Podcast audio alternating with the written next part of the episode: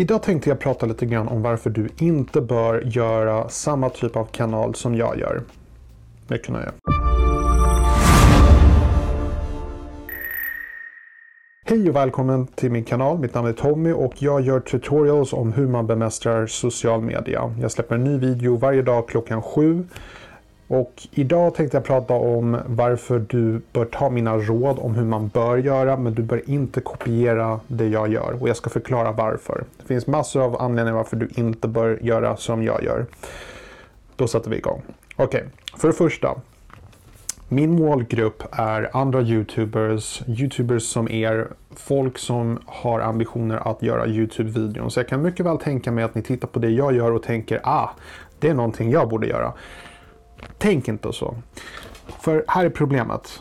Människor som er, YouTubers, det är en väldigt liten del av YouTube-sfären. Jag fokuserar på en väldigt nischad grupp, en väldigt liten grupp. Uh, om vi tänker oss de mest populära vloggare, det är typ sådana här som Therese, vad hon än heter, och uh, Jocke och Jonna eller vad, vad de heter. De gör mer populära vloggar om populära ämnen. Okay? Jag har en väldigt nischad grupp och det är människor som vill göra YouTube-kanaler. Så att se inte riktigt min målgrupp som en målgrupp ni skulle vilja satsa på. Då, vi, vi kämpar om en väldigt liten målgrupp då. Så det är inte alls att jag försöker att jag är rädd för konkurrens här eller sådär. Det är bara en det är ingen bra idé. Du kan använda TubeBuddy eller Keywords Everywhere så kan du söka på min typ av videon och se hur många som faktiskt kollar på sån här videon. Det är inte en stor grupp. Den andra saken är att en nackdel med att satsa på att eh, marknadsföra till andra YouTubers det är följande. Du har som intresse du kan ha ett intresse för saker som de flesta YouTubers inte har intresse av. Vad jag menar är att när du inte gör YouTube-videon, när du säger att du gör eh, Minecraft-videon, ditt andra intresse är kanske mobiltelefoner. Och en annan YouTuber som kanske gör uh, en teknikvlogg kanske gillar Pokémon väldigt mycket och kollar mycket på Pokémon-videon på YouTube. Så min poäng är att när uh, YouTube försöker bestämma sig vem den ska rekommendera mina videon för och du tittar och du tittar och du tittar och ni har allas olika intressen. Då har YouTube väldigt svårt att faktiskt hitta vem de ska rekommendera mina videon för. Är ni med på vad jag menar? Jag har en väldigt svår målgrupp för ni har alla väldigt olika intressen. Så att eh, mitt tips är att satsa på någonting på en målgrupp där det är väldigt tydligt vilket intresse de är intresserade av. Om du ska göra en teknikvlogg, boom, klart, väldigt enkelt. Om du gör mobilrecensioner eller kamerarecensioner eller dataspelsrecensioner, Youtube har inga problem att hitta din nischade grupp. Det är mycket lättare att växa. Min grupp som sagt är väldigt svår, så gör inte det.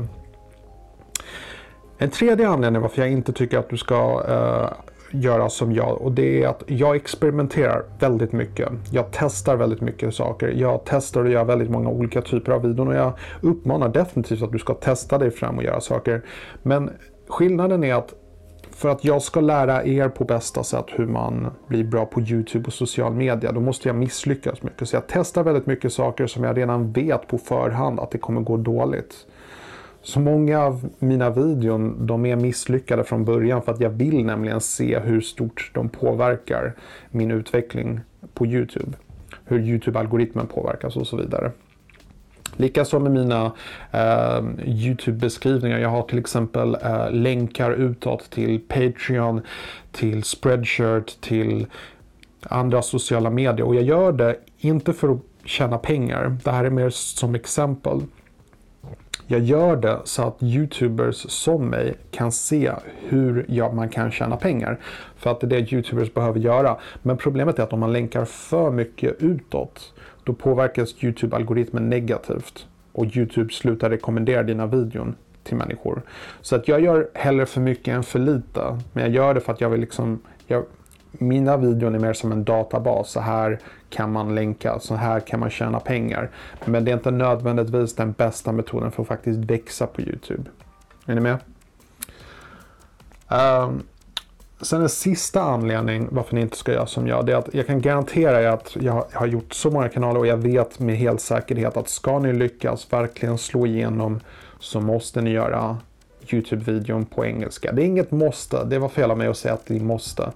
Men det är så mycket lättare för det finns så mycket fler människor ute i världen än vad är vi i Sverige? Typ 10 miljoner svenskar. Det är inte den bästa målgruppen, det är en väldigt liten målgrupp. Och jag förstår om språket kan vara ett problem, men jag tror att de flesta människor i Sverige är faktiskt väldigt duktiga på engelska. Så mitt råd till dig är att gör inte en YouTube-kanal på svenska, gör den på engelska. Om inte du är bestämd på att köra på svenska. Bara, bara ha i åtanke med din nisch och sen måste du multiplicera, multiplicera på hur många som faktiskt är intresserade av det som bor i Sverige. Det kan vara en väldigt liten grupp medan runt om i världen, även om det finns massor med konkurrenter, massor av vi säger, teknikvloggare som MKBHD och så vidare. Men jag kan ändå lova att du har definitivt mycket lättare att slå igenom om du kör på engelska. Så det var det jag hade för idag. Lite tips och råd. Eh, som sagt, jag släpper en ny video varje dag klockan sju. Du kan prenumerera och sätta på notifieringen om du vill. Så ses vi förhoppningsvis imorgon. Vilken tid? Ja, just det. Klockan sju. Avsnittet är slut, men upplevelsen är inte över. Klicka dig vidare till ett av många rekommenderade avsnitt. Men om du har någonting viktigare för dig just nu, glöm inte att prenumerera så att du inte missar framtida avsnitt som kommer varje morgon klockan 07.00. Detta är din uppväckning. Börja jobba.